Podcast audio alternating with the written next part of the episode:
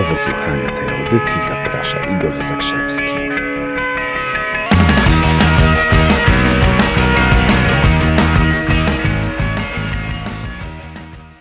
Dzień dobry, dzień dobry, moi drodzy.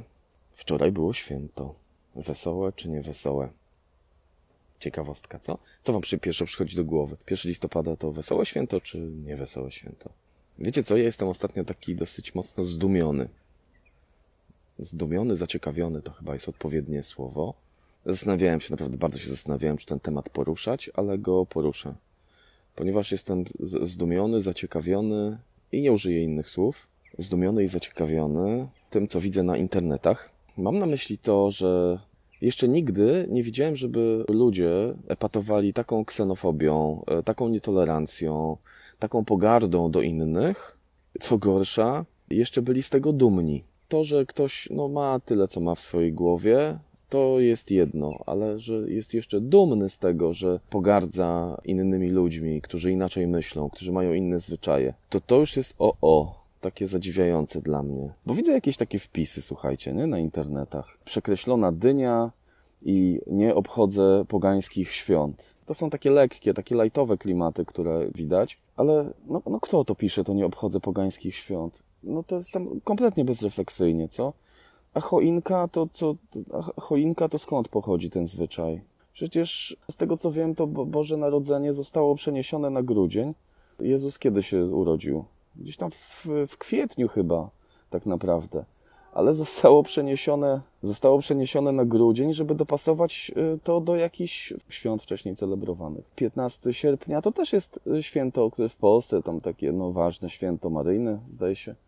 A to przecież też jest pogańskie święto, które było wcześniej. Ale ludzie mogą sobie mówić różne rzeczy i mogą sobie wierzyć w różne rzeczy. To, co w jakiś sposób mnie niepokoi, to takie przyzwolenie na to, żeby być dumnym tego, że jest się rasistą. Takie przyzwolenie, żeby być dumnym, że jest się ksenofobem. Żeby być dumnym, że jest się nietolerancyjnym wobec innych.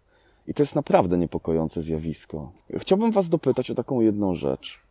Je- Jeśli przypomnicie sobie takie momenty w życiu, kiedy rzeczywiście dominował strach, czy to było uczucie, z którego wynikała moc, czyli chciało wam się coś robić, chciało wam się, nie wiem, iść do przodu, y, rozwijać się, wykopać się z dołu, jeśli to towarzyszyło temu, że byliście w jakimś dole, jeśli się baliście? Czy raczej to było uczucie, które moc odbierało? Czy było to uczucie, ten strach, które powodowało bezsilność, beznadziejność i, i, i tak dalej? Jestem bardzo ciekaw. Odpowiedzcie sobie sami, czy jeśli towarzyszy ci strach, czy to jest e, taki mocny strach, dojmujący strach? Czy to jest uczucie proefektywnościowe? Czy to jest takie uczucie, które odbiera, odbiera ci chęć działania? Ja mam tak, że strach mi wcale nie pomaga. Zupełnie nie pomaga. Zmierzam do tego, że moim zdaniem powinniśmy być bardzo uważni, jakie mamy elementy naszego nastawienia pod kątem emocji. Czy wybieramy taki, uwaga, teraz wsadzam kij w mrowisko, czy wybieramy taki tradycyjnie polski zestaw emocji, strach, w którym jest e, wina, w którym jest bezsilność, czy wybieramy inny zestaw emocji, taki, no, obawiam się, że wciąż jeszcze nie polski, czyli miłość, odwaga, radość, akceptacja. Kiedy słuchajcie sobie, patrzę na takie różne wpisy w internetach o tym, że ktoś jest dumny z tego, że, że pogardliwie wypowiedział się na temat jakiegoś innego zwyczaju, choćby weźmy ten Halloween. Czy jak ktoś jest dumny z tego, że nazywa Hindusów ciapatymi i wydaje mu się, że to jest, że to jest takie niewinne, nie? Kiedy sobie patrzę na tą taką radosną twórczość, to mam nieodparte wrażenie, że tam pod spodem jest taki typowo polski, taki tradycyjny zestaw emocji, typu strach,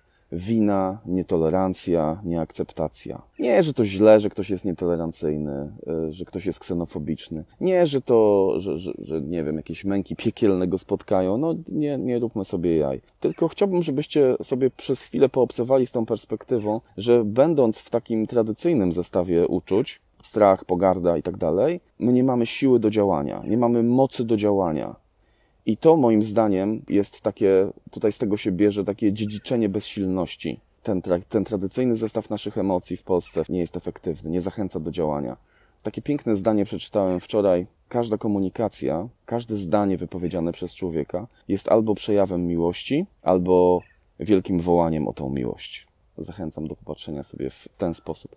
Popatrzcie sobie na to w ten sposób. zadając sobie pytanie, które ja sobie dzisiaj zadałem, co tam musi być pod spodem? Jaki to jest zestaw emocji? I czy ten zestaw zachęca do działania, daje moc, czy ją odbiera? Cieplutko Was pozdrawiam, życzę przewspaniałego weekendu, a w przyszłym tygodniu będzie roller coaster, bo Igor będzie w podróży i to kilka stref czasowych stąd, więc będzie się działo. Jeszcze nie wiem, jak będę robił live'y. 8.45 w Polsce to będzie jakiś środek nocy tam, gdzie będę, ale coś wymyślę. Wszystkiego dobrego, trzymajcie się.